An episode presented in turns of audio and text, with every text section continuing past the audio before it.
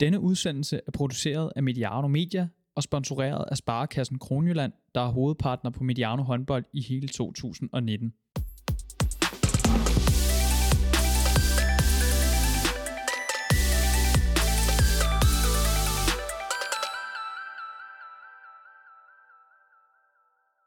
Hej og velkommen til Mediano håndbold, der i dag befinder sig i det sydlige Spanien i Barcelona, hvor vi har fået fint besøg af Kasper Ulrik Bjerre Mortensen, skal jeg huske at sige. Du har fået, fået et ekstra øh, efternavn til. Velkommen til, Kasper. Mange tak, Emil. Det skal man huske at sige, det er Bjerre der, ellers så får du ballade derhjemme. Ja, fuldstændig. Så er der, så er der ikke ro på hjemmefronten. Nej vel? Nej. Øh, jeg skal skynde mig at indskyde, at øh, hvis jeg er lidt rundt på gulvet i dag, så er det fordi, jeg har haft en forfærdelig morgen. Jeg har fået stjålet min telefon og har været på politistationen og puha. Men Ja. en aften med Messi i går, og så en formiddag med dig her, det er heller ikke en helt dårlig Barcelona-tur. Jeg håber, jeg kan være med til at give dig en, en lidt god oplevelse, trods alt en dårlig morgen her. Nu må vi se, om jeg får købt en telefon her senere i dag. Det, det satser jeg på. Øhm, Kasper, vi sidder i Barcelona. Solen den skinner. Ikke så meget, som den gør om sommeren, men trods alt lidt bedre end det, jeg kommer fra derhjemme. Mm. Øhm, du har været hernede i, i over, over et halvt år nu, ikke? Jo. Hvordan, øhm, hvordan er det at bo i Barcelona? Jamen, det er da fedt. Altså, øh, det er jo noget, som jeg har stræbet efter øh, som helt lille at repræsentere Barcelona, og jeg kan da også huske, når jeg har været på ferie her tidligere, at det var da noget, jeg et eller andet sted godt kunne tænke mig skete en dag. Øh, så det er, det er fantastisk øh, at være her nu. Øh, og ja, jeg er meget glad for at bo i den her by. At være dansker og spille håndbold i Barcelona, der har jo også... Altså, Barcelona har jo også en eller anden forhistorie med danskere. Altså, der har været en del hernede. Mm. Nu er jeg selv hernede for 10 år siden, da der var det Nødespor Bolsen, og Mikkel Hansen, Kasper Witt. Er der noget specielt ved at være dansker i altså Barcelona håndboldklub? Er der, har de et specielt forhold til danskere, eller...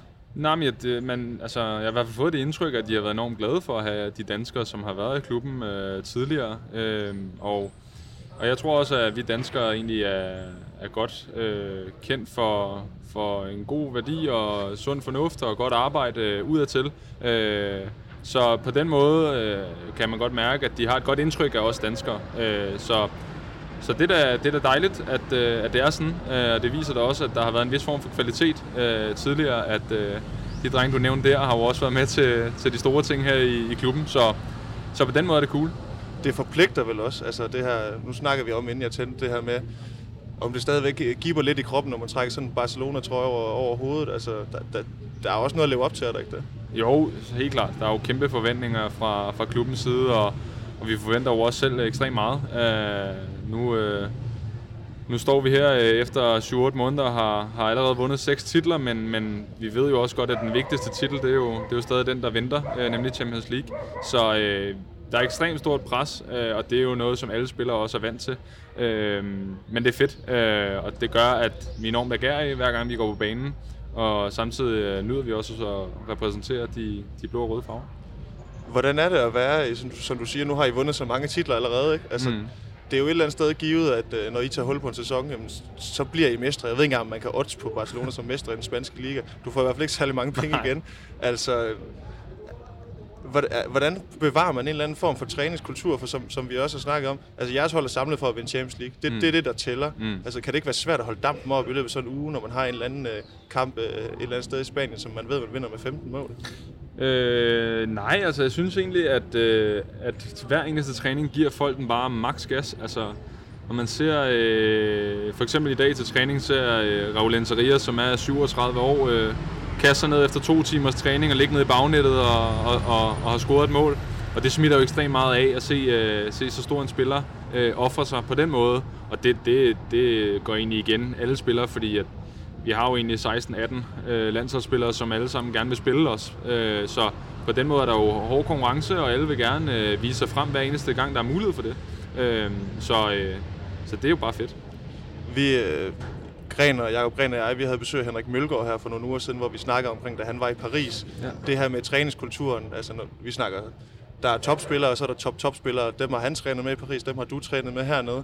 Øh, når du sammenligner med tidligere, kan man godt mærke, altså det her med, øh, snakkede jeg med Anders Dahl øh, forleden, det, øh, det er ikke svært at blive god, det er svært at være god. Altså det her med at holde sig på toppen, kan man godt mærke, at der er en helt anden, altså agerighed blandt de her spillere, øh, kontra hvad du var vant til tidligere, eller, eller, eller hvad tænker du i forhold til det? Ja, altså jeg synes egentlig, at, at jeg tydeligt mærker den hårde konkurrence, der er hver gang, fordi at træneren skifter også ekstremt meget fra kamp til kamp.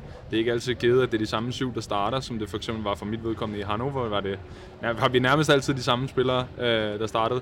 Det er overhovedet ikke tilfældet her, og det gør jo også bare, at, øh, at alle vil, vil ofre øh, alt, hvad, hvad han har for at vise, at han skal selvfølgelig starte i næste kamp. Så kan det godt være, at man ikke gør det. Øh, men, men træningskulturen er i hvert fald på den måde skruet sammen, at øh, der er ikke givet, hvem der starter inden. Og det gør bare, at alle offrer sig max til hver eneste træning. Hvor meget træner I egentlig hernede? Nu bliver jeg bare nysgerrig, fordi den tyske håndboldkultur, altså den, den kender du også ret godt det her. Mm. Det, det er meget en lang opstart, en hård opstart, mm. øh, tunge træning. Altså hvordan, er, hvordan træner man egentlig hernede? Adskiller det sig fra Tyskland eksempelvis eller Danmark? Jeg synes øh, for det første er der en kæmpe, kæmpe fordel i, at vi som regel altid starter den 3. august, og vi slutter det er omkring den 2. juni, hvis vi er så dygtige at kvalde til Final Four. Øh, hvilket betyder, at vi har to måneders ferie, og det, det, det er bare ekstremt vigtigt for alle, både øh, mentalt, men også fysisk, fordi at i Tyskland får du, altså de sidste tre år har jeg haft mellem 3 og 3,5 uges ferie, og der kan jeg bare mærke, at jeg smadrer, altså når jeg kommer tilbage, fordi at, så går du på ferie, øh, slapper måske lige af en uge, men så får du også uddelt program, du skal holde, øh, holde dig i form, hvilket bare gør, at du bare nedbryder øh, kroppen. Øh, så på den måde øh, er det en helt anden stemning, når man møder ind den 3. august, at folk er ekstremt glade. Der er ikke nogen, der er bitre over, at de kun har fået tre ugers pause. Øh, og Jamen, altså når vi så går i gang, så plejer vi som regel at tage en uge til, til Andorra, hvor at, øh, vi træner, øh, der, fordi der er simpelthen for varmt her i Barcelona til at træne. Øh, og så øh, i den periode, den første måned, træner vi som regel øh, en-to gange dagligt, øh, hvor der er rimelig meget smæk på. I den her øh, forberedelse havde vi også kun to træningskampe, hvilket gjorde, at vi kunne have flere træninger sammen og blive endnu bedre. Øh, og nu her, når vi er gået i gang med sæsonen, hvor vi har de to kampe om ugen, træner vi en gang øh, om, dag, om morgenen, og, øh, og det er egentlig det. Øh, og så har vi som regel fri, øh, når programmet lige tillader det til det. Kunne du godt mærke de her år i Tyskland, altså, det, at det var hårdt for kroppen? Altså, en ting, folk snakker meget omkring transport i Tyskland, og de der mange timer i bus. Mm. Kunne du godt mærke altså, den her Bundesliga-belastning, at det var hårdt for, for kroppen? Altså, nu snakker du om mentale, men sådan rent fysisk, var det ja. også... Øh... Ingen tvivl, ingen tvivl. Især, jeg vil sige, i året 2016, hvor at, at jeg rammer tre mesterskaber, inklusive et OL, øh, og, og plus alle kampene i, i Bundesligaen, der, der stod mine akillescener simpelthen af efter OL, øh, og blev nødt til at have et, have et par måneders pause. Øh, så det mærkede jeg helt klart. Øh, så på den måde, øh, i og med at man får det her to måneders break her i Spanien, det gør bare, at kroppen øh, siger ja tak. Der er vel også, altså hvis man sådan helt øh, kynisk kalkyle i, altså jeg ved godt, man siger ikke nej til Barcelona, men det at tage herned, og hvis du tænker sådan lidt længere frem, det her med at have en længere karriere, øh, en, en lidt anden belastning, i hvert fald i ligaen, ikke? Altså, der, der er der også noget i forhold til det, at, at du, du forlænger måske din karriere ved at spille hernede nogle år? Ja, det var der helt klart også med i mine overvejelser dengang, da jeg skiftede. Øh, I og med, at, at man får de pauser, man skal også i forhold til december. Øh, I Tyskland spiller man jo ofte øh, frem til den 27. og 28. Der havde vi i år, jeg tror sidste kamp i ligaen den 18. december, hvilket gjorde, at jeg havde faktisk to uger uh, ekstra der. Uh, så helt klart, uh, det, det er egentlig også mindsetet uh, for det her. I Hannover, der var du uh, så så heldig at stifte bekendtskab, bekendtskab med, med Ortega og også Igor Romero. Og jeg læste, at du havde haft nogle snakker med dem, inden at du skulle herned, og de sagde, at de har fortalt dig, at man forstår ikke storheden, altså Barcelonas storheden, før man står i det. Mm. Nu sidder vi hernede, vi sidder midt i det. Forstår du det nu? Øh, jeg tror stadig, der går noget tid, før at man... Altså, fordi nu hvor jeg er i det, øh, er det jo bare fuld gas på pedalen. Øh, men det med, at de sagde, at man først forstår det, når man er det, er jo, det er jo et eller andet sted at være en del af, af noget større. Altså, den her klub er jo, har jo nogle, nogle vanvittige værdier, men også bare det, det fællesskab, man render rundt i. Øh, så træner nogle af verdens bedste basketspillere øh, lige, lige efter vores træning, og og ja, vi så i går, hvordan øh, fodboldafdelingen lige øh, massakrerede United ud af Champions League. Øh, plus at ikke så dertil hockey og futsal er nogle af de bedste i verden også. Øh, og vi får som regel adgang til at kunne, kunne se deres kampe også. Så, så det, er jo, det er jo, på den måde er det jo fedt at være en del af sådan en klub, der har så mange andre sportsgrene, og det ikke kun er håndbold. Øh, så der, der er alt, hvad man lige har lyst til at lave i sådan en klub her. Øh, Udover at have fokus på at spille håndbold. Ja, du havde også været på Brexit sammen med, øh, med nogle af Barcelona fodboldspillerne, havde du ikke det? det er sådan, der er sådan et sted, hvor sådan et behandlingscenter, eller... Ja, her efter min skade, de første seks uger, var jeg sådan et rehacenter, hvor at, øh, at, øh, vi kommer ind, og så er der måske 20-30 brikse, og, og så, så bliver vi egentlig bare øh, kørt igennem med diverse øvelser, og der lå, øh, der lå en masse forskellige både basketspillere og og Jordi Alba var også lige forbi, og Rafinha fra fodboldafdelingen, og, og så videre, og nogle fra kvindelige øh, fodboldspillere også. Så på den måde er det jo fedt, at man møder hinanden på tværs af, af sportsgrenen. Jeg så uh, Jordi Alba, han, er det egentlig rigtig Jordi Alba? Nu er jeg ikke så god til spansk, jeg ved ikke, hvordan man udtaler det. Det kan godt være, det, der, der, øh, der må være der svar skyld. Det, Nej, du er bedre til jeg det kalder tyske. ham Jordi Alba. Du er bedre til det tyske. Ja. Han, han bakser lidt med noget krampe i går, så i kampen, så det kan godt være, Ja. at uh, han stadigvæk, han stadigvæk slider, Det kan være. slider lidt. Uh, Han løber generelt også bare meget. Han har jo en tredje lunge, altså. Ja, jeg ved, jeg tror, han, han må være den, der løber længst på deres hold, tror du ikke Det tænker jeg. Han løber i hvert fald ekstremt meget. Det er en af de spillere, jeg virkelig er, er fascineret over at se, øh, når jeg ender at se dem, fordi at han løber bare i 90 minutter hele tiden, altså. Det er imponerende. Er, er, nu, når man har boet hernede, begynder man så også at forstå, nu kommer jeg bare til at tænke på, at jeg sad og så fodbold i går, sådan en som Messi, hvor stor han egentlig er hernede. Altså, er, er han bare kongen eller guden hernede? Altså, Ja, ja, det er han jo. Altså, alle snakker over om ham, og det er jo også hver gang man ser interviews med, med hans holdkammerat, skal de jo også forholde sig til ham.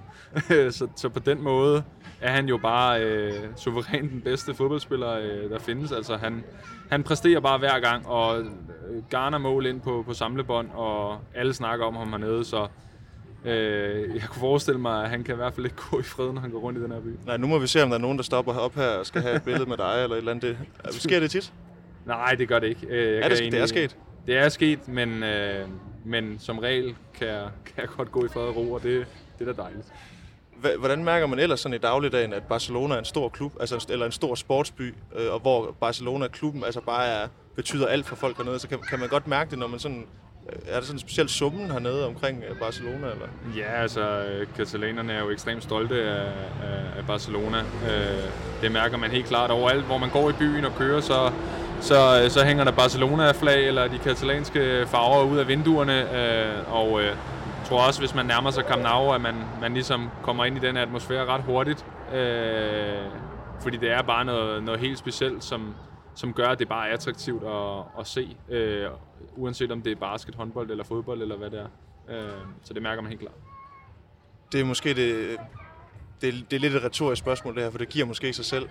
Men hvorf, hvorfor spille i Barcelona? Altså, hvorfor sagde du ja til det? Jamen, det gjorde jeg først og fremmest, fordi at, øh, at det havde været en drengedrøm øh, hele mit liv. Øh, men også fordi, at nu kom den her mulighed, og egentlig havde jeg forlænget tre år med Hannover øh, til 20. Men, men der, der tænkte jeg også, er du, er du gal, jeg vil fortryde det, hvis jeg øh, den dag stopper karrieren, og, og fortryder jeg ikke tog øh, det tilbud, der, der var fra, fra i min bog verdens største klub. Øh, så, øh, så det var, det var en, en drøm, der gik i opfyldelse, men også fordi, at de, de havde øh, de ting, som de fortalte mig, at de, havde, de ville rigtig gerne noget med mig, gjorde bare, at det var ekstremt attraktivt for mig øh, at sige ja tak til det, men det var en lang proces, før det gik i år. Hvad var det, de, øh, der tændte dem i forhold til dig og dit spil? Altså, hvad var det, de, de gav udtryk for, at de godt kunne lide ved dig? Jamen, de er jo, der er ikke nogen tvivl om, at øh, min sæson sidste år med Hannover har jo gjort det lidt bedre, i og med, at jeg blev topscorer i Bundesligaen, hvilket også gør, at jeg var nok mere attraktivt, Det- frem for hvis jeg havde lavet til 40 mål i en sæson. Det. Øhm, men egentlig, at, øh, at når jeg havde set deres kamp, brugte de jo fløjene ekstremt meget. Øh, og at jeg også ville få en forholdsvis stor rolle, og også skulle straffe og så videre i, i her, det, inden jeg blev skadet. Så, så det er jo sådan nogle ting, jeg kan jo, kan jo godt lide at have en, øh, en rolle, øh, og det er jo det er, jo, det er jo det, som har været attraktivt for mig, men som, som de også kunne se, at jeg kunne opfylde den rolle, som, som Valerio Riviera havde tidligere. Føler du også, at du har så har du så også fået den rolle, som du ligesom var stillet i udsigt og havde, havde håbet på hernede? Ja, det synes jeg helt klart. Altså, øh, jeg var... Jeg vil sige, at det, var gået, det gik rigtig stærkt her det første halve år. Jeg havde jo ikke forventet, at, at det ville gå så stærkt i forhold til Champions League og, og, og så videre, men det er bare gået rigtig godt, og så desværre øh, blev jeg så skadet her i januar. Men, øh, men det første halve år øh, har været fantastisk, og det er jo noget, jeg aldrig glemmer. Så det giver jo bare motivation til at komme, komme endnu stærkere tilbage her på den anden side af sommerferien, og så, øh, så forhåbentlig øh, er alt fint igen. hvis man endelig skal være skadet, så tænker jeg heller ikke, at Barcelona er den dårligste klub, hvis man tænker sundhedsstab, altså de forhold, der er hernede. Det må alligevel lige være en kry øh, eller to eller tre op i forhold til, hvad du har oplevet tidligere. Ja, der er ingen tvivl om, i og med, som vi også snakker før, vi har jo 15 øh, officials på holdet, som, øh, som kredser om det, og man er jo aldrig, jeg er jo aldrig alene, når det er, jeg er øh, nede i styrkecenteret alene, så har jeg altid en øh, fys, fysioterapeut eller genoptræner ved min side, som korrigerer de små ting, øh, detaljerne. Øhm, så forholdene er fantastiske, og så nu hvor jeg er skadet, er jo selvfølgelig bittert, men jeg mærker også en ekstrem stor opbakning også fra sundhedsstatens side om, at de gerne vil have mig tilbage på den bedst mulige måde. Det må alligevel stå i skærende kontrast til nogle af de... Nu er det ikke fordi, man skal tale, tale, tale nogle af de klubber, man har spillet i tidligere ned, ikke? hvis du sammenligner med dengang, du spillede i Danmark, øh, Viborg, PSV, øh, nogle af de her klubber. Altså, det er alligevel på et lidt andet niveau. Nu siger du, hvor mange var det 15? Altså, nu kigger jeg bare jeres holdbillede, der var 11 med.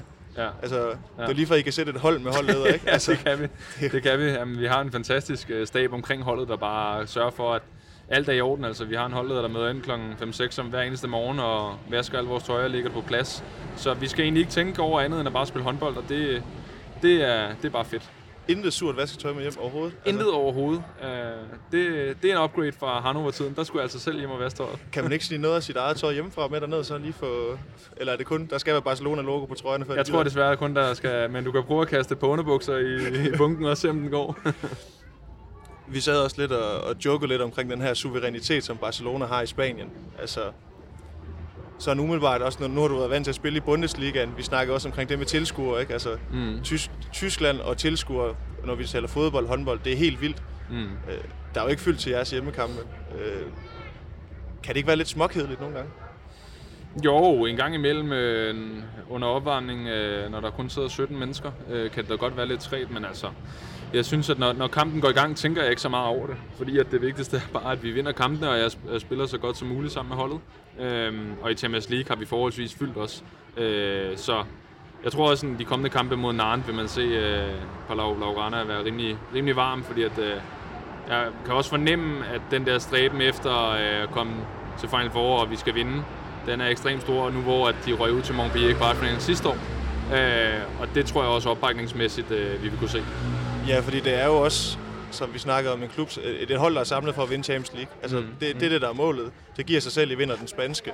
Øhm, så man kan godt mærke, at der, der er nogle trofæer, eller der er et trofæ, som ikke er blevet vundet de senere par år, som, når vi snakker forventninger, der, der er pres på. Der ja. må være rimelig stort pres på jer også i år i forhold til at vinde øh, Champions League. Ja, helt klart. Der er øh, stort pres fra, fra klubbens side, og, og det tror jeg egentlig bare er sundt, fordi at, øh, det er derfor, vi er her, øh, og det er det, vi alle sammen stræber efter. Øh, nu kan, så kan det godt være, at vi allerede har vundet seks titler, men den vigtigste, det er stadig den, der venter. Øh, og øh, og det, det kan jeg også huske, den første titel, som jeg vandt for klub, på klubhold her i, i Barcelona, øh, var jeg da glad for, men så kom der bare en besked fra træningen i gruppen, det var bare den første ud af syv.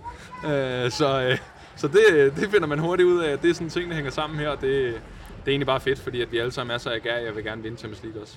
Kan du, kan du godt mærke, at, kan du godt mærke personligt, at presset er større, altså også i forhold til din præstation og alt det her, så nu sidder vi og snakker om de her ting, han siger den første af syv, ikke? Altså, mm. det må du også kunne mærke, at, at der er altså ekstra pres på dig i forhold til, jeg ved godt, i Bundesligaen, der er også pres på, der er der altså også der, der er det altså heller ikke ligegyldigt, at man bliver nummer 5 eller nummer 6. Mm. Altså, men mm. stadigvæk hernede, der, der er der kun én ting, der tæller. Mm. Altså, der, der må også være et kæmpe pres på jeres spillere. Øh. Det er der også. Det er der også. Altså, vi bliver jo gennemanalyseret øh, hver eneste gang fra, fra videomandens side og trænerens side. Øh, så hver eneste præstation i kampene, som vi spiller to gange om ugen, bliver bare evalueret, og hvis, hvis, hvis du ikke præsterer, så får du det i hvert fald også lige en henvisning om, hvad for nogle ting, du skal gøre bedre. Øh, men jeg kan da også huske, at vi vandt med 7-8 mål en eller anden kamp her i den spanske liga, hvor at, at træneren var jo ved at gå amok, fordi han synes jo ikke, at det var nok. Øh, og det viser jo bare om, hvor gærig han er, og det smitter bare af på os. Øh, og så tror jeg, at vi den næste kamp vandt vi med 18. Øh, fordi det var bare sådan en trodsreaktion, at det gad vi ikke rigtig opleve igen. Men er det ikke også et meget godt billede på, nu taler vi fodbold, basket, håndbold, altså Barcelona som klub, mm. at i hvert fald når du er i Spanien, det er ikke nok at vinde, det er måden du vinder på. Mm. Altså hvis fodboldholdet vinder 3-0, jamen så, så bliver det sådan noget, jamen hvorfor vandt de ikke 5 eller 6 0 Altså, mm. Det kan I også godt mærke som spiller, at det er ikke nok at vinde. Altså, det er også ja, måden, man vinder på. Ja, men det er det. Det er det helt klart. Altså, øh, det, nogle gange, når vi møder et hold, øh, som vi bør vinde med, lad os sige, 15 mål, øh, så, øh, så skal vi også gøre det. Øh, så hvis vi kun vinder med 5, det er fint nok, vi har vundet, men, men du mærker ret hurtigt, at det var måske ikke lige godt nok. Øh, fordi at, at hvis vi, især hvis vi spiller på hjemmebane, når der kommer nogle folk til, til kampene, så skal de altså også have noget for pengene. Du sagde, altså, at de bliver analyseret i hoved og røv efter sådan en kamp. Ikke? Altså, hvordan, hvordan adskiller det sig fra, hvad du har oplevet tidligere, den her analyse? Er det meget, har man nogle helt andre ting inde i analyserne i forhold til nogle af de andre klubber, du har været i? Eller? Jeg vil sige, at vi bruger altså, ekstremt meget tid på, på video og analyserer vores modstandere også. Og det for mig som ny øh, i den spanske liga, kender måske ikke lige øh, samtlige spillere, øh, der render rundt i alle klubber. Øh, der bliver jeg bare ekstremt godt indstillet på inden hver kamp, øh, hvad for nogle modstandere der er overfor, fordi jeg ser mange gentagelser af diverse spillere. Øh, og jeg også selv analyserer meget, hvad for nogle målmænd der er at skyde på. Og det er bare, at jeg spørger vores video, videomand, så går der en time eller to, så han klippet det hele sammen, det jeg bad om. Øh, og der skal jeg ikke selv sidde og bruge tid på at finde de klip, øh, fordi det ligger allerede i systemet. Øh, så på den måde er det jo ekstremt professionelt. Kan du også godt mærke omvendt, at nu snakker du om, når I forbereder kan du også godt mærke, at, at I er det hold, som alle gerne vil slå? Altså, når I møder, altså hvis nogle af de andre spanske hold møder hinanden, så er der måske ikke samme intensitet for mm. alle spillerne. Men når de møder jer, altså så er det, det er jer, man gerne vil slå. Ja, ja, helt klart, helt klart. Altså når vi spiller på udebane, og der er altid fyldt halder nærmest på de udebaner, vi spiller på, hvilket også viser lidt om, hvad for et hold vi er. Fordi at, altså, folk vil, som du siger, gerne slå os. Øh, men det gør også bare, at øh, vi bliver endnu mere tændte, når der er, der står diverse tilskuere råber alt muligt på spansk. Øh, skældsord til os. Øh, Dem har du lært? Ja, ja, det har jeg. Øh, men jeg vil sige, at det er også, øh, når kampen er i gang, er de ekstremt øh, sure på os, men efter kampen vil de stadigvæk gerne stå ude foran hallen og have billeder og autografer med os. Øh, så, så så slemt er det egentlig ikke, synes jeg. Men, øh, men man mærker, at, at, at vi er et hold, som er nummer et i Spanien helt klart, og det er det, som folk gerne vil slå. Er der nogle bagsider ved den her suverænitet, altså i den spanske liga? Er, er, er der nogle bagsider ved, at, at det er så, ikke nu siger jeg nemt i gåsøjne, fordi kampene skal vindes alligevel, men altså, er der nogle bagsider ved, at, at man er så suveræn? Åh, oh, det ved jeg nu ikke. Altså, øh, bagsiden er måske, at hvis vi har en day off, at, øh, at for eksempel nu, nu smed vi et point til La Rioja, så kan man tydeligt mærke, at stemningen er, er dårlig efterfølgende, fordi at presset er så stort. Øh, men det, det tror jeg egentlig, alle spillere er bevidste om, at det, det skal man bare have vendt til, til en positiv ting, fordi det er det jo. Altså, det er jo fordi, der er forventninger til os, og at vi ikke kan slække på det. Øh, så jeg har jo ikke øh, som sådan en bagside, synes jeg ikke. Øh, I og med, at det er gået så godt indtil nu øh, for vores vedkommende. Øh, det kan være, det ser anderledes ud øh, om en halv års tid, men lad os se. Når I forbereder til sådan en Champions League-kamp, kan man så godt... Altså, det der, det der energien bliver lagt i forberedelsen, kunne jeg forestille mig. Og også, altså, også selvom der måske er en kamp i den spanske liga op til, altså, så går, tager man allerede hul på Champions League forberedelsen sådan lidt tidligere, fordi det er det, der er så vigtigt, eller hvordan Nej, agerer de? egentlig ikke. Altså i dag for eksempel, da jeg sad ude og så afslutningen på deres træning, efter jeg havde kørt mit øh, genoptræningsprogram, der øh, stod træneren med at sige, at det er godt, at vi spiller mod Nantes øh, om en uge, men den kamp i morgen, øh, det er den vigtigste i hele sæsonen, øh, fordi det gør bare, at øh, får vi Kommer vi ind og sætter os på kampen fra start af, øh, får vi også en god fornemmelse efterfølgende, som vi kan tage med videre, frem for at det bliver noget juks. Ja. Øh, så, så på den måde er træneren ekstremt god til at, at lægge fuld fokus på, på den næste opgave, der venter. Øh, så det synes jeg egentlig ikke. I kan jo heller ikke, I kan jo heller ikke tillade jer at, at ligesom have sådan en, en dag, hvor det kører på 80%. Altså, der er ja. også noget i forhold til logoet. Og, ja, præcis. Altså, hvis man, hvis man spiller en pinlig kamp, altså, mm. så, så er det ikke bare pinligt, det er max pinligt. Ja, altså, det er det. Kan du godt mærke, at der er også nogle forpligtelser der ved, at når man bærer det logo der, så er det altså ikke bare nok, altså, som vi snakker om det her med at vinde. Mm. Der, følger, der følger også noget andet med. Det, det, det bliver tydeligt hernede. Ja, helt klart. Altså, det kan man tydeligt mærke, når det er nogle af, især nogle af de drenge her, der kommer fra Barcelona, en Victor Tomas. Øh, han, han altså, brænder over for hver eneste skud, og hvis han ikke, hvis han ikke scorer, så æver han sig jo gul og grøn skov over, og det smitter jo af. Altså, når det er anføreren, der viser, den agerighed. Øh, så det mærker vi helt klart alle sammen. Jeg synes, der er mange, der har nævnt, at han har en fantastisk indstilling. Altså, mm. han har jo vundet, han mm. har vundet alt jo. Altså, mm. er det, det må også være lidt specielt eller lidt vildt at være sammen med nogle af de her typer, som har vundet nogle af de ting, som du, nogle af de ting, du sidder og drømmer om, ikke? og som jo, så bare stadigvæk er agerig. Mølgaard fortæller om Karabatic i, i Paris, som jo også, altså, han har kastet sig med hovedet forrest i 20 år, ikke? Ja. og han bliver ved med at gøre det de næste fem år også. Ja, præcis, præcis. Og det var det, jeg sagde med Raul Interias for eksempel i, i træning, som man bare bliver ekstremt inspireret af. Øh, og når du går i det miljø dagligt, så gør du også bare selv, at du selv bliver så agerig, og, og jamen, så har du heller ikke noget imod at kaste og få blod på knæene efter to timer og 10 minutters træning. Øh, fordi sådan er kulturen bare, og det er bare, at, at vi vil vinde for enhver pris. Hvordan er træningen egentlig anderledes i- end i Tyskland? Er det meget øh, på buen, øh, uden tempo, eller hvordan, er det meget kontraspil, eller hvordan træner man hernede? Øh, jamen, egentlig øh, kommer det meget an på, hvad skal man sige, perioden i sæsonen. Der er som regel altid øh, futsal til øh, opvarmning med en tung fodbold, som er anderledes. Der kommer det meget teknikpræget, øh, hvor jeg desværre må trække mig ned i forsvaret. Der må jeg erkende, at min tekniske formål, den er ikke til det. Der kunne øh, du Øh, bare have løjet og bare sagt, at du var skide god Ja, det. præcis. Der har været at være ærlig. Øh, men øh, men øh, jeg synes egentlig, vi, vi har rigtig meget fokus på vores forsvar. Øh, og så løb øh, kontradelen. Og det, hvis vi ser over hele sæsonen, er det der, vi har lavet rigtig mange mål i den der ankomstfase øh, og kontradelen. Øh, så lige, lige pt. Er det, er det der, vi lægger vores øh, fokus meget, fordi at vi har alligevel en ny konstellation inden den midterblok med Thiagos Petrus og Ludovic Fabregas for eksempel, som skal, som skal kende hinanden. Øh, og det har de allerede løst i løbet af ingen tid, så det er jo imponerende. Øh, så det er der, vi, vi kommer... Vi skal vinde Champions League, det er vores forsvar, sammen med målmanden. Så den der kontradel, det gør der vel egentlig heller ikke noget, der er lidt fokus på det her nede, kunne jeg Nej, det er forestille fint. Det er fint nok. Det er, det, det, det er jeg glad for. At de ved godt, at de bare skal kaste den i dybden, så der skal jeg nok løbe den op sammen med de andre fløje. mig. Er de gode til udkast, dine øh, Ja, det synes jeg. Kevin, og, Kevin Møller og, og Gonzalo de Vargas er, er virkelig dygtige til det. Så øh, det, det, det gør det heller ikke øh, mindre sjovt, at vi har sådan nogle to, der er så gode til at kaste ud.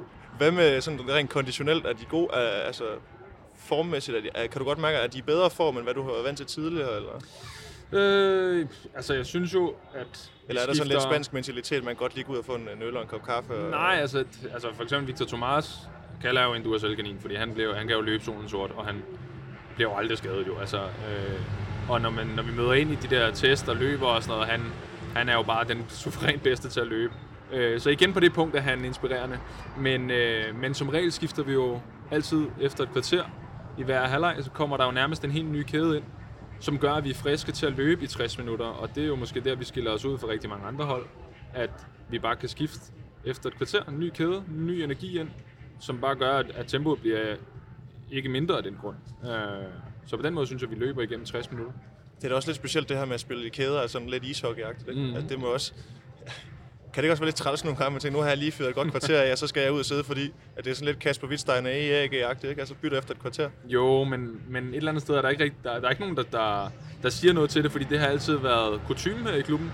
Og, øh, og det vender man så lynhurtigt til, og så, øh, så sidder man egentlig bare og, og bakker min øh, kollega op øh, ude på fløjen og glæder mig over, når han scorer et mål, og så ved jeg, at når vi kommer til anden halvleg, så spiller jeg igen.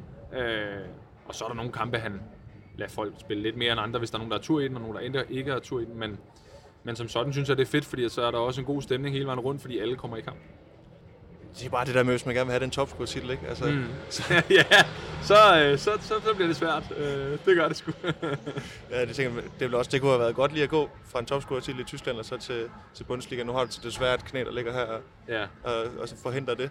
Øhm, hvad med, fordi der er jo hernede for 10 år siden, der kan jeg huske, at jeg var nede med en efterskole, så spillede vi en træningskamp mod Barcelonas U16-hold, Okay. og tabte med 30 mål eller sådan noget. Vi var heller ikke særlig gode, men de fortalte så, at, at jamen, de fem bedste spillere, de var heller ikke med i dag, for de træner som regel med dem, der er ældre, eller med ligaholdet. Ja. Altså, er der nogle gode ungdomsspillere hernede lige nu, eller er der nogen af dem, der træner med? Eller?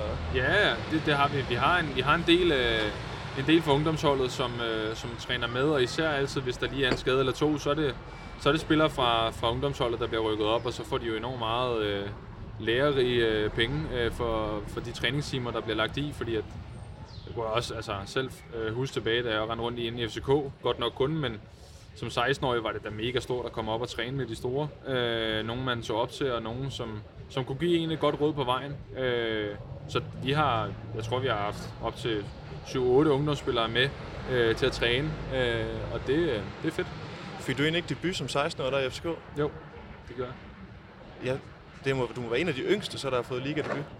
Det, er- der er Ja, ikke mange, der har fået jeg, som 16-årig. Det tænker jeg måske, at øh, det kan være. Det kan du følge op på. Ja, var du god egentlig den kamp? Øh, ja, det synes jeg. Altså, jeg tror, jeg lavede to mål på tre skud i Aalborg. Øh, og Magnus Andersen skiftede sig selv ind. Også fordi vi var så skadesramt til den kamp. Og vi vandt.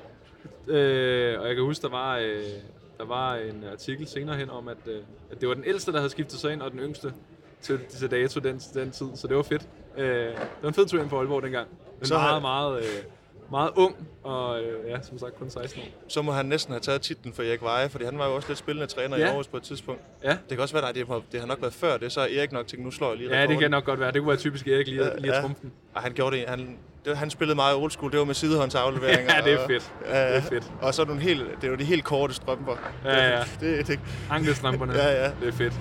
ej, det er sådan en, der giver en, en i bødekassen derhjemme. Har I en i bødekassen hernede? Ja, der er vi. Men ikke, øh, ikke hvis du spiller ankelstrømme. Det tror jeg simpelthen ikke, der er nogen, der, der tør gøre, øh, i frygt for at få en, en reprimande. Øh, men øh, der er store bøder, hvis du kommer for sent. Det har jeg heldigvis ikke formået at gøre endnu. Er der nogen, der har, øh, er, er bedre til at overholde det end andre? Ja, det er der. Især de ældre spillere kommer ikke særlig meget øh, for sent. Det er, det er mere de yngre spillere, så jeg har heller ikke sagt for meget, hvem det kunne være. Nej, okay. kunne der være nogen, der har dansk pas? Måske, men øh, ja, måske kunne det godt være en af dem. Ah, okay.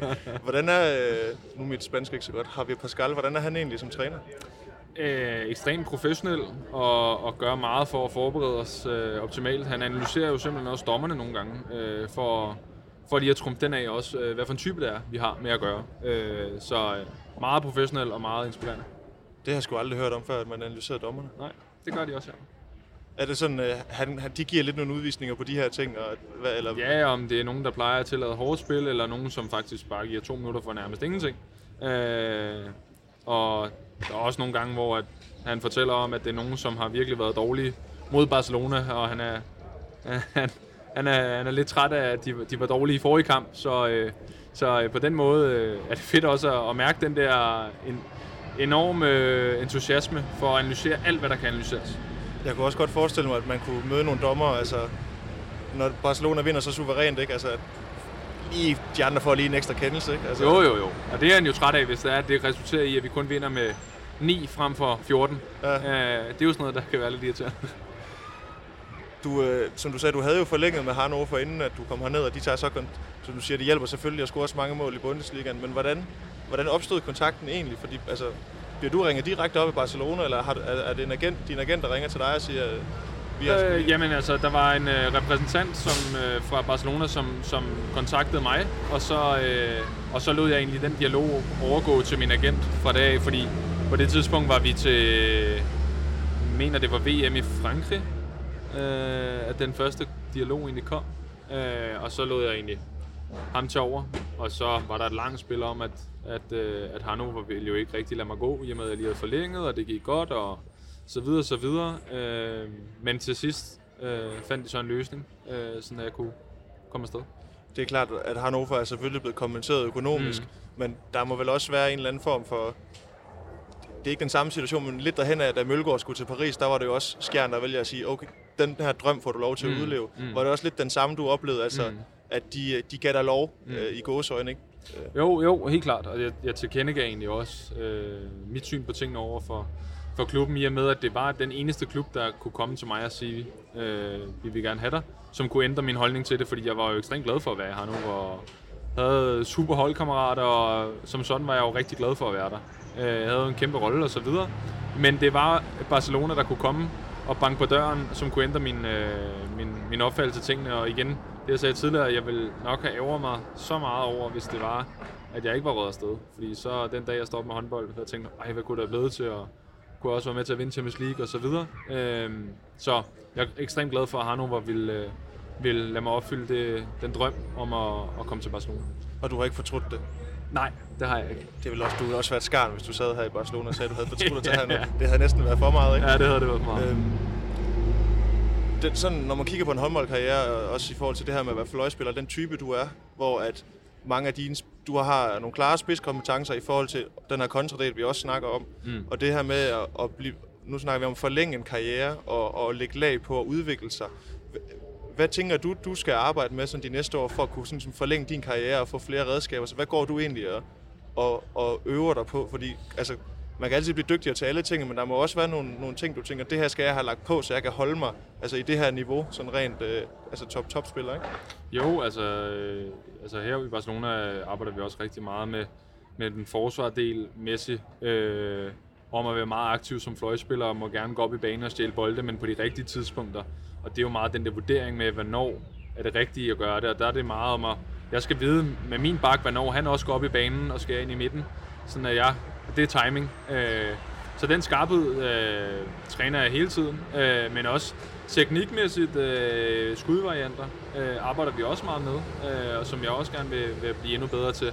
Øh, som hvis jeg kan putte to-tre øh, flere varianter på mit skud, øh, vil jeg da være ek- ekstremt glad for det. Så det, det arbejder jeg også meget med. Øh, og egentlig, altså, alle spillets facetter øh, vil jeg gerne forbedre mig. Øh, jeg kan være endnu, endnu hurtigere, end jeg allerede er nu. Øh, så Nej, ikke lige nu. Ikke lige nu, men om et halvt år, så, øh, så satser jeg på det. Nu er det ikke fordi, jeg skal sidde her og lave en eller anden analyse af dig som håndboldspiller, men sådan personligt virker det til, at du over de senere år, hvis vi sådan tænker første gang, jeg kan huske, at jeg sådan, nu tænker vi Viborg og BSV, og så til nu, mm. det her med øh, kompetencerne for hjørnet, det virker til, at der har du rykket dig rigtig meget. Fordi der, der var også mange, der snakkede om, at Kasper han er kun i gåsøjne ham, der løber stærkt. Ikke? Altså, kan du mærke, at, at der, der er blevet lagt noget på for hjørnet? Altså, at du, har, at du Ja, er blevet bedre der i den del af det? Ja, helt klart. Det synes jeg, der, det har også været et stort fokuspunkt. Øh, Jeg kan tydeligt tilbage lige, da Søren Rasmussen for eksempel kom til BSV og bare tog øh, mit skud langt nede øh, fem gange i træk til en træning til okay. Nu bliver jeg simpelthen nødt til at brage den hen over hovedet på ham. Og siden da, så har det egentlig bare hængt fast, fordi det var bare noget, jeg trænede non-stop. Øh, fordi jeg blev så rasende over, at han blev ved med at tage den på den måde. Ja. Øh, så, så det er i hvert fald noget, som jeg har arbejdet med gennem de sidste mange år. Øh, og, og, og det synes jeg egentlig også, øh, man kunne se de sidste par år. Og ja, det er jeg da glad for, at jeg fik sådan en som Søren Rasmus som holdkammerat, som kunne, kunne gøre sådan nogle øh, trodsige ting ved mig. Øh, men også lige så meget på, på hvad skal vi sige, straffekastdelen har der også kommet endnu flere varianter. Og det er også i og med, at jeg har spillet i klubber med så mange dygtige målmænd, som har gjort, at jeg faktisk skulle tænke ekstremt meget over tingene, som jeg ikke gjorde, som var, da jeg var 19 år for eksempel. Der skød jeg bare på ren intuition. Du får vel også altså, en eller anden form for ekstra udfordring. Det her med at tage til en ny liga, og ikke kende målmændene. Altså, mm. Og du har jo, altså, du har bare mange direkte konfrontationer med målmændene. Ikke? Altså, bagspillerne har alligevel de her, den her ekstra afstand, og så der, kan der være en takling. Ikke? At du har den her, altså, du kan nærmest have øjenkontakt med dem. Ikke? Mm. Altså, Jo. det må jo også have betydet, at nu snakker vi forberedelse, at der har også la- lagt et stort arbejde for dig der, fordi der er ingen tvivl om, de forbereder sig godt på dig. Mm. De har set mange af dine skud. Ja. Du har, altså, jeg ved godt, der er nogen, der sidder og klipper tingene til dig, men man skal alligevel også tænke sig om, når man springer ind over. Ikke? Ja, ja, helt klart. Jamen, jeg tænker ekstremt meget over, at, øh, hvad for en type målmand det er. Og det, det var også noget, jeg har brugt ekstremt meget tid på sidste år øh, i, i Bundesligaen. Øh, jeg sad og, og så øh, så meget video på de målmænd, jeg skulle skyde på. Og ikke ens med, at jeg havde fast besluttet, hvad for et skud jeg ville gøre inden, men bare for at være 100% sikker, om det var en, en springfelt eller en stor bamse, der stod inde i målet, eller hvad for en type det var. Øh, og det har hjulpet mig ekstremt meget, så det, det gjorde jeg egentlig også her det første halve år, inden jeg blev skadet i, i Spanien, fordi jeg kendte ikke mange af de målmænd, der var hernede. Øh, og det, det hjælper rigtig meget. Har du nogle favoritkeeper-typer? Altså, man kan jo godt putte keeper i kasser. Altså, der er jo forskellige typer. Ikke? Nu nævner du det her med, at det er en stor bamse, at det er en springfætter. Mm. Øh, det Vargas, han er jo sådan lidt sådan en springfætter, ikke? Altså, Jo. Øh, altså, det, det er meget forskelligt. Altså, øh, umiddelbart er jeg, er jeg nok mest til de store øh, bamser, som jeg kan bruge mit, mit hurtige aftræk på, men omvendt så vil jeg også sige, at sådan en som Gonzalo de Vargas øh, reagerer ekstremt hurtigt, øh, og nogle gange øh, har det simpelthen ikke været nok, at jeg bare kunne skyde øh, hurtigt, fordi han reagerer lige så hurtigt. Så det, øh, det er forskelligt fra gang til gang, vil jeg sige så, så Sterbæk, det er egentlig okay at skyde på ham. Sterbik er fint nok. Øh, det, det er i hvert fald gået fint nok. Selvom han lige smækker øh, benet op på overlæggeren. Ja, ja, præcis. Men så, øh, så kan man loppe den over ham en gang. Ja, jeg, har, aldrig- jeg har aldrig forstået, den store mand, han kan stå derinde, men øh, Nej. der er også et eller andet mytisk over ham. Ja, det er han. Han er virkelig dygtig. Som 21-årig, der spillede du i Fredericia, Ja. som gik konkurs, ikke? Mm. Og så sidder vi her nu. Altså, du, du må også... Jeg tænker, når man står, stod dengang, øh, så ved jeg godt, at du har rendt rundt i vandløse og tænkt, drømmen var at spille hernede måske, ikke? Mm. Men det må også, hvad skal man sige, det må have været svært at, at tænke så langt, altså sådan tro på, at hold nu kæft, jeg, skal, jeg, jeg ender måske hernede, eller hvordan har du holdt en eller anden drøm i live? Øh, Ja, det er sgu et godt spørgsmål, men egentlig har jeg jo har jeg bare været ekstremt agerig fra start af, og egentlig brugt den modgang, som har ramt mig, til øh, noget positivt og noget, noget brugbart. Øhm, altså, der er ikke nogen tvivl om, at øh, i, i BSV, da, da Peter Bredstof kom til at, og bare valgte helt klart, at jeg ikke skulle være en del af hans sanggang, der, der blev jeg simpelthen så rasende. Øh, og og det, det gjorde egentlig et eller andet sted, at, at det blev sådan en trodsreaktion. At det, det skulle simpelthen ikke være ham, der skulle, der skulle bestemme, hvor, hvor langt jeg skulle komme. Øh, og så har der jo været ekstremt mange, der har, der, der har været med på vejen. Min familie og, og, og Stine og så videre, og gode kammerater, der har, der har støttet mig. Øh, men i bund og grund handler det om, om hårdt arbejde, og de sidste par år har jeg stået ekstremt lang tid efter diverse træninger og bare øvet skud på skud på skud. Øh, sådan at når vi kom til kampene, var, følte jeg egentlig, at det kan godt være, at det var den afgørende situation. I 59 minutter er jeg skåret på straffe, og det gjorde vi vandt over Kiel sidste år, men for mig var det jo egentlig bare skudnummer, lad os sige 303 i den øh, sæson. Og så jeg bare var sikker på, at den sad nøjagtigt der, hvor jeg gerne ville have, den sad. Øh, så ja, for at sige det kort, så er det egentlig den modgang, jeg har, jeg har mødt, som jeg har brugt konstruktivt, øh, frem for bare synes, det hele var noget lort. Ja, fordi du har jo haft meget, altså du har jo haft, så nu nævner du den her BSV-tid, ikke også? Så kommer der også en periode i Sønderjyske. Mm. Øh, og det kan godt være, at du ikke sidder og tænker tilbage på den som den fedeste tid i din karriere, eller hvad? Sønderjyske var fedt. Det var fedt? Ja, det var super fedt, fordi der, øh, det var jo lige efter, at jeg var blevet smidt, øh, smidt ud af BSV nærmest. Øh, og så og så blev jeg bare mødt med en enorm stor kærlighed nede fra, fra Sønderjylland, og det var, det havde jeg sgu ikke lige øh, oplevet før på det tidspunkt i min karriere. Øh, de var simpelthen så søde, og kunne også godt forestille dig, hvor, hvor motiveret jeg var første gang, vi skulle møde BSV. Øh, så, øh, så på den måde var det, var det fedt, øh, og så var jeg jo til Hamburg bagefter, så det var et, det var et fedt afsæt øh, til, til Bundesligaen i Sønderjyske for mig. Så det er ikke sådan, man sidder... Øh, altså, du, du har brugt det konstruktivt. Det er ikke sådan, man sidder og bitter, eller sådan sidder og altså, tænker, for helvede, altså, hvorfor... Altså, tænker tilbage på de der ting. Øh, altså, der er der nogle ting, hvor jeg overhovedet ikke har været enig i blandt andet sådan en beslutning der i BSV, men, men omvendt har jeg jo egentlig, som sagt, øh, brugt det konstruktivt og som motivation øh, til at bare, jeg vil mere end bare det. Øh, og så, øh, så har jeg også været privilegeret at have nogle ekstremt gode holdkammerater. Så også i Hannover sidste år, hvordan de fandt mig i blinde, som fik gjort mig til, bund, til Bundesliga-topscorer, som gjorde nok også, at jeg kunne komme hertil. Så det har været en kombination af mange ting. Så du har sendt lidt øh, chokolade og vin til nogle af dem derhjemme der? De har fået lidt, ja. Hvad, hvordan det her med motivation, for det er også det, man hører tit folk, der, sådan, når man har spillet håndbold i mange år, det her med, vi kan tage Karabati som eksempel, han er jo, han er jo primært eksempel på, hvordan man forbliver motiveret.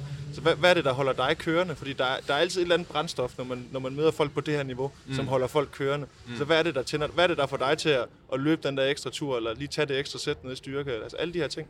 Jamen, det er jo hele tiden øh, for at blive endnu bedre, end hvad jeg er. Jeg mangler jo stadigvæk i min karriere at vinde Champions League og EM for landsholdet.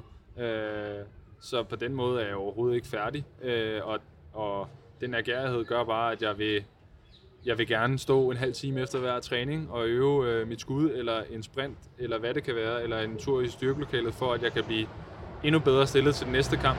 Øh, så det er egentlig det, altså, at, at jeg, jeg, føler, på, jeg føler mig på ingen måde midt, selvom jeg har, har, har vundet OL og VM og er blevet topscorer i Bundesligaen. Det er ikke nok for mig. Altså, jeg, jeg, vil, jeg vil bare have mere, og når, når jeg også har vundet de ting og været med til sådan en rejse, så, så gør det bare, at man vil have mere, så bliver man bare grisk og gerne vil have mere.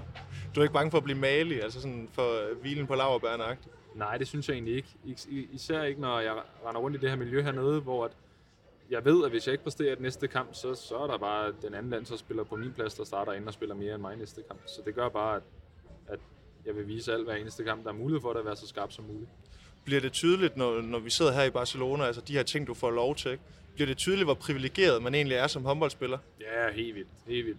Især når jeg snakker med mange af mine kammerater, der tager på job fra 8 til 4 øh, diverse tider, der mærker jeg jo også den, hvad skal man sige, misundelse, de har over, at jeg lever det liv, jeg gør. Det ved jeg også godt. Og det kan jeg også huske, min, jeg har en god kammerat, der hedder Rasmus Overby, som, som jeg spillede med i Viborg, som, øh, som jeg har spillet med hele min karriere nærmest, som blev korsbåndsskadet tre gange og måtte stoppe karrieren. Øh, og han, jeg kan huske nogle af de ting, han sagde til mig dengang, altså selvfølgelig var han træt af det, men han sagde, husk nu at nyde det, altså, fordi vi lever bare et privilegeret liv. Altså, vi tager til træning om morgenen, og så er vi fri resten af dagen. Altså, vi sidder i Barcelona, og så kan jeg egentlig gøre, hvad jeg vil. Øh, så det, det er jeg meget bevidst om. At, øh, og det gør bare, at jeg er ekstremt taknemmelig over, at de oplevelser, jeg får med på vejen, og når nogle ting føles måske øh, irriterende, at, hvad ved jeg, vi måske ikke har præsteret en kamp, så går nok det hele bagefter også, i og med, at, at jeg lever lige nu i drømmen. Der er jo også det her med at være håndboldspiller. Altså nu, nu sidder jeg ved siden af et knæ, som du blev opereret i, mm. at, at den her linje mellem at være aktiv og ikke lige pludselig være aktiv længere, nu nævner du også øh, Rasmus, ikke? Altså, den er meget tynd. Ja. Altså, der, det, der skal ikke gå meget galt før, jamen, så er du ikke håndboldspilleren længere. Nej, nej. Er det, er det også det her med, at, at man skal fandme... Altså, man skal få det maksimale ud af det, fordi en håndboldkarriere er jo heller ikke særlig lang. Nej, nej, præcis, og det kan jo stoppe lyn, lynhurtigt. Altså især den her sæson for mit vedkommende har jeg jo bare mærket den der kontrast fra at gå fra, og det hele spiller max, og vi vinder den ene titel efter den anden, og det går også godt for mig personligt til lige pludselig kamp 2 til VM øh, at blive skadet, og kan bare mærke, at der, ja, det var ikke super fedt. Øh, og der går man lige pludselig fra, fra at være håndboldspiller til egentlig bare et normalt menneske. Fordi at øh, jeg, kan ikke, jeg kan ikke være den håndboldspiller Kasper, som jeg har været hele mit liv. Øh, det ved jeg godt, jeg stadigvæk er nok ubevidst, men når man er skadet, så sidder man bare udenfor og får et andet perspektiv for tingene. Øh, så det er hårdt, men, øh, men det er bare en lang vej kamp til at komme tilbage, og en dag er en dag mindre. Øh, Jamen, det er, det er, det med, det er jo det med. Der er jo en grund til, at der er klichéerne. Det er jo Ja, også, ja. fordi de passer et eller andet sted, ikke? Jo, Altså, jo, jo, jo. Og man finder sådan de små ting, de små glæder. For eksempel fra, da jeg gik fra at smide krykkerne til at kunne gå igen, det var jo en af de fedeste dage i mit liv. Og der bliver man bare ekstremt glad for, at, at hey, jeg kan faktisk gå nu. Altså, og det er jo for vildt at tænke på, ikke? for der er så mange mennesker, der faktisk ikke kan gå. Øh, så der lærer man også en masse om sig selv i sådan forløb her. Den her øh, håndboldidentitet, som du også siger, at, altså, den sidder jo dybt, dybt i dig, kan jeg også forestille mig, når, det er det, man Mm. ligesom har, som siger, fik ligadebut som 16-årig, ikke? Altså, har du gjort dig nogle tanker om, eller det når man måske ikke endnu? Altså, hvad så, når, når jeg ikke spiller længere? Altså, hvad fanden skal der så ske? Og hvordan... Øh, nu taler jeg med Anders Dahl omkring det sværeste for håndboldspilleren, det er egentlig, når de slutter. Mm. Fordi det er der, de skal til at finde ud af, hvem de er. Mølgaard siger også, at øh, han glæder sig lidt til at blive voksen også, ikke? Det her med at være privilegeret, ikke? Altså, Jo.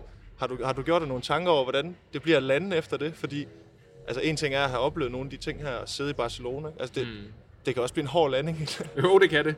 Det kan det. Det kan være en, øh, en hård tur ned ad isbjerget. Øh, men øh, den må jeg tage til den tid, der kommer. Altså, jeg er i gang med sideløbende og, og studere på Aarhus Erhvervsakademi. Øh, så jeg er bevidst om, at den, den dag kommer på et eller andet tidspunkt. Men jeg går også og har en øh, ambition om, at jeg kan spille 10 år mere. Øh, så må vi se, om, om den ambition holder. Men, men, men det, det er jo det, jeg går og håber på. Øh, og så, så må, jeg, må jeg tage det chok, der kommer, når jeg stopper. Øh, men jeg tror også på et eller andet tidspunkt, så, øh, så bliver man også mere bevidst om, at når den dato kommer nærmere, men lige nu synes jeg, at det ligger så langt ude i fremtiden, så det, det tænker jeg ikke over lige nu. Men omvendt er jeg i gang med at uddanne mig også sideløbende, fordi jeg gider heller ikke bare stå på bare ben, når der er stop. stopper. Hvad tror du egentlig, du har lavet, hvis du ikke har været håndboldspiller? Øh, Fodboldspiller? Nej. Gået er jo blevet skolelærer, ligesom størstedelen af min familie er. Øh, jeg gik også... Øh, jeg kunne være blevet øh, cykelrytter måske. Jeg gik til banecykling som lille. Eller også skulle være blevet marinebiolog. Det havde jeg også sådan en drøm om som helt lille. så det, det kunne været alt godt for havet. er det... Bane, var du god til banecykling? Ja, jeg vandt DM-sølv. Hvad så? Ja, Er det der, du har de hurtige ben fra? det må det jo være jo. Det er der, jeg har min skrabs fra. Var det, var det alligevel for kedeligt, så er det banecykling der? Altså, det Ja. går bare rundt og rundt. Altså, Ja, Ej, jeg ved godt, at man løber også bare den sammen. Jamen, jeg, jeg, så spillede jeg lidt fodbold, så spillede jeg håndbold, så skiftede jeg igen, så var det sgu lidt for koldt udenfor. Så ville jeg hellere ind i en varm hal, ligesom min øh, store søster, hun spillede også håndbold. Øh, så det, var- det var det, valget lige kom på. Det, jeg tror simpelthen, det var fordi, det var for koldt i Danmark. Det var, hvis jeg øh, voksede op i Spanien, så kunne det være at holde til cykling. Vejret er også altid godt i en håndboldhal. Ja, Altså, altid. det er også det, når man sådan er sportsjournalist og sådan dækker lidt Superliga, altså sådan en... Puh, sådan en kold, kold øh, oktoberdag i, i Jørgen på Vendsyssel Stadion, ikke? Ja, den er hård. Den er ja, bakke. så er det altså lidt sjovere at komme ud i hallen, ikke? Jo. Øhm, nu har vi siddet og, og cirklet lidt omkring det knæ der. Hvordan går det egentlig med det? Jamen, det går, øh, det går efter planen. Øh, nu er vi kommet over to måneder i forløbet, og som sagt, så jeg kan gå nu. Jeg smed krykkerne her for ja, to ugers tid siden. Øh, og det, øh, jeg træner hver eneste dag, og for, lige nu er fokus at bygge en rigtig meget muskelmasse omkring øh, knæet og låret op, sådan at det kan holde til, til alle de hårde stød, der venter. Øh, så det går efter planen. Er du, er du bange for, om, altså nu har vi snakket fart og tempo, altså du sagde også, at du har haft øh, noget med menisken i det andet knæ. Altså er du bange for, at, at der kommer nogle, øh, altså at det, at det fjerner noget fra dig, at øh, have været igennem sådan en tur, eller, eller hvad, har du, hvad har du talt med den fysiske stab om? Altså hvordan? Ja, altså i og med, at jeg har haft nøjagtigt den samme skade i mit højre knæ, øh, giver det mig en tryghed i og med, at det er noget, som ikke har hæmmet mig. Øh, fordi jeg har genoptrænet det højre knæ så godt op, så jeg kender egentlig proceduren. Øh, så på den måde er jeg ikke så bekymret. Øh, men det er, en, det er en proces, hvor man skal tage step by step, stille og roligt, og ikke øh, rushe noget. Øh, og det, det er jeg ekstremt bevidst om, men jeg håber da selvfølgelig ikke, at det kommer til at hæmme, og det tror jeg heller ikke, det er. Hvor er du? Altså, hvad må du nu? Altså belastningsmæssigt og sådan? Øh, jamen, det er øh, nogle øh, squat til, til 45 grader med 5 kilo i hånden og, og, og så videre, og, og, og ligger med en 2 kilo på noget omkring min ankel og laver strak benløft og så videre, for, fordi jeg kan ikke bare tage 200 kilo i et squatstativ lige nu, det må jeg heller ikke. Det tager tre måneder, før en menisk er, er groet ordentligt sammen, så, øh, så det, det er meget de små skridt øh, hver eneste dag, og så... Øh, iser en masse, og jeg sidder også med ispose nu jo her, mens vi, mens vi sidder og hygger. Så, øh, så ja, jeg gør alt for at optimere på den del. Det er aldrig fedt at blive skadet, men at skulle trække en skade til et VM på hjemmebane. Altså, ja, ja, det, det når vi ender med at vinde guld, så Jamen, jeg tænker også bare, nok. det kunne næsten ikke være dårligt. altså, det må også have gjort, gjort det noget ved altså sådan oplevelsen, altså for dig, at det, her, det er en holdsport, det her med at bidrage. Altså, så ved jeg godt, at man kan bidrage uden for banen med mm. nogle ting og godt humør og altså, det virker også til, at der var godt humør i den trup. Altså, ja, ja, men, det var der. Men, men det må da også have gjort noget ved sådan, altså, den her januar måned for dig, og hvordan det har føltes bagefter, at du har skulle sidde mere ude end inde, ikke? Jo, altså, øh, altså januar altså for mig øh, var sådan lidt delt i to dele, fordi at efter den der kamp 2, øh, op til det var det jo fantastisk. Vi bragede jo afsted i København, og for mig var det også en, en speciel kamp at spille den der mod Chile. Øh, og det gik rigtig godt. Øh, og så blev jeg desværre skadet i kamp 2, og så var det lidt som om, at jeg kunne godt mærke, at et eller andet knæ var ikke som det skulle være, øh, og kunne slet ikke løbe lige så hurtigt jeg ville, eller springe på den måde, som jeg gerne ville. Øh, så på den måde, spillemæssigt, sluttede det for mig der, men omvendt var det også så fedt at være en del af hele den der kulmination på, at vi, vi endte med at løbe med det hele til sidst, øh, og, og, og bakke drengene op alt, hvad jeg kunne. Det var, det var fedt at mærke den der opbakning på hjemmebane, ligesom jeg mærkede i 2014. Den her gang vandt vi så bare ikke sølv, men guld. Ja, Danmark gik lidt i selvsving i de ja. der uger der, ikke? Altså, jo, det var, det det var, var tydeligt. Det var vildt øh. også de der oplevelser efterfølgende, da vi lander i København og se alle mennesker stå på gaden og, og, og være så glade. Altså, vi fik jo samlet hele nationen, og det var jo det var vildt. Det er noget, jeg aldrig glemmer.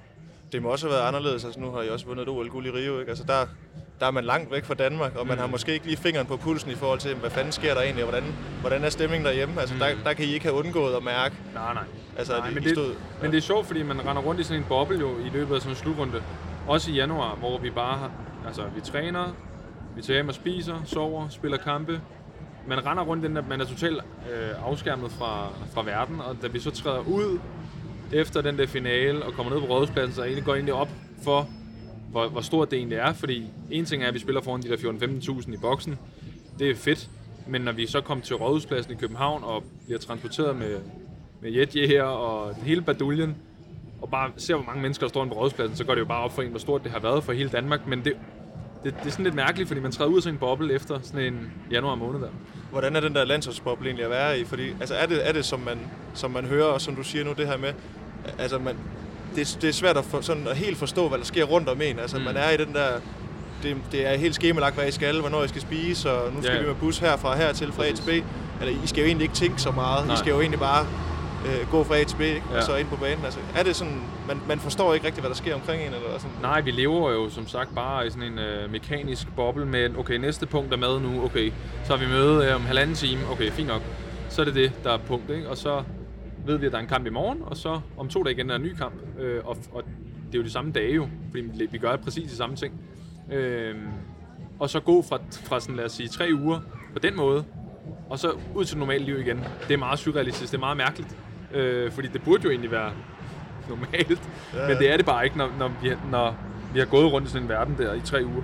Kan du godt lide, kan du godt lide at have sådan en struktureret hverdag som det der, eller er du mere sådan lidt mere laissez-faire, at øh, om jeg står op klokken øh, 7, 8 eller 9, altså, eller hvad?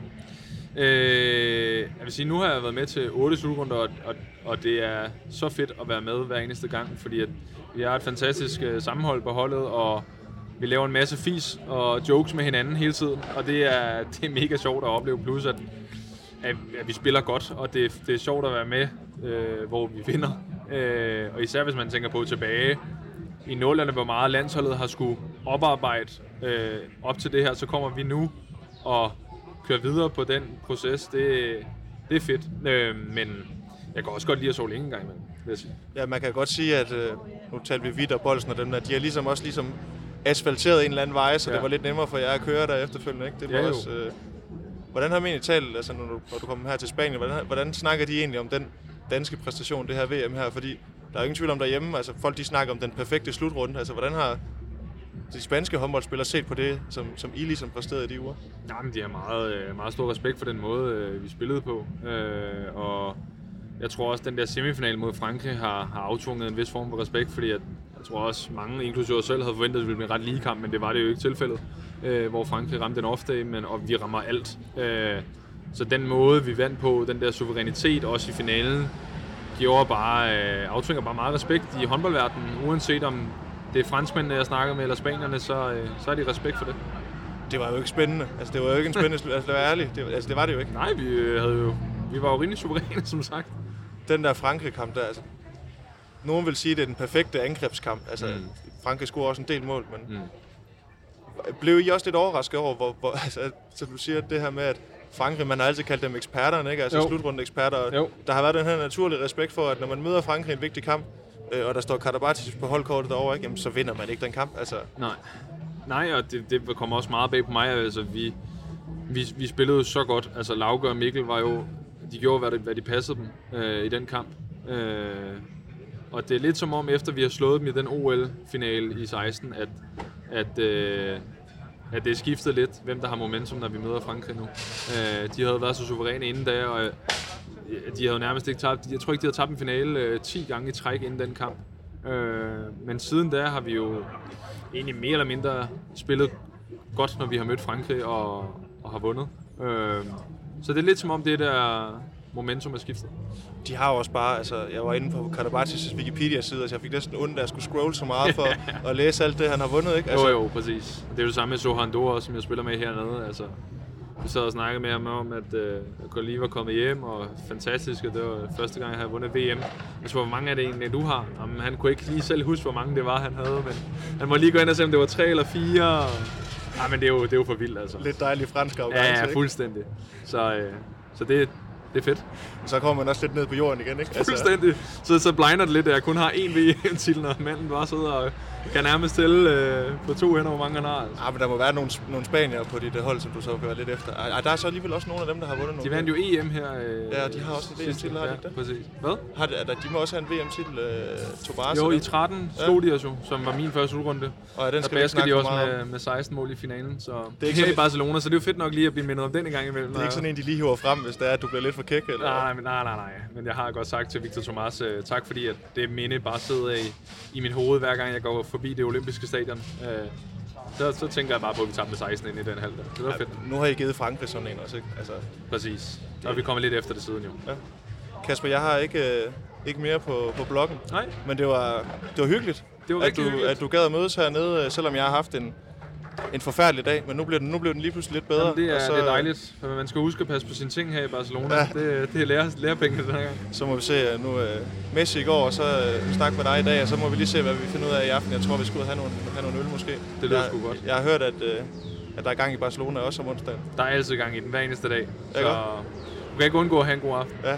Men øh, tak Kasper, og så øh, tak til Sparkassen Kronjylland, der er hovedpartner på Mediano håndbold. Find os på Facebook, Twitter, Instagram, Soundcloud, øh, og så øh, tak for i dag, og vi Tak lyttes ved.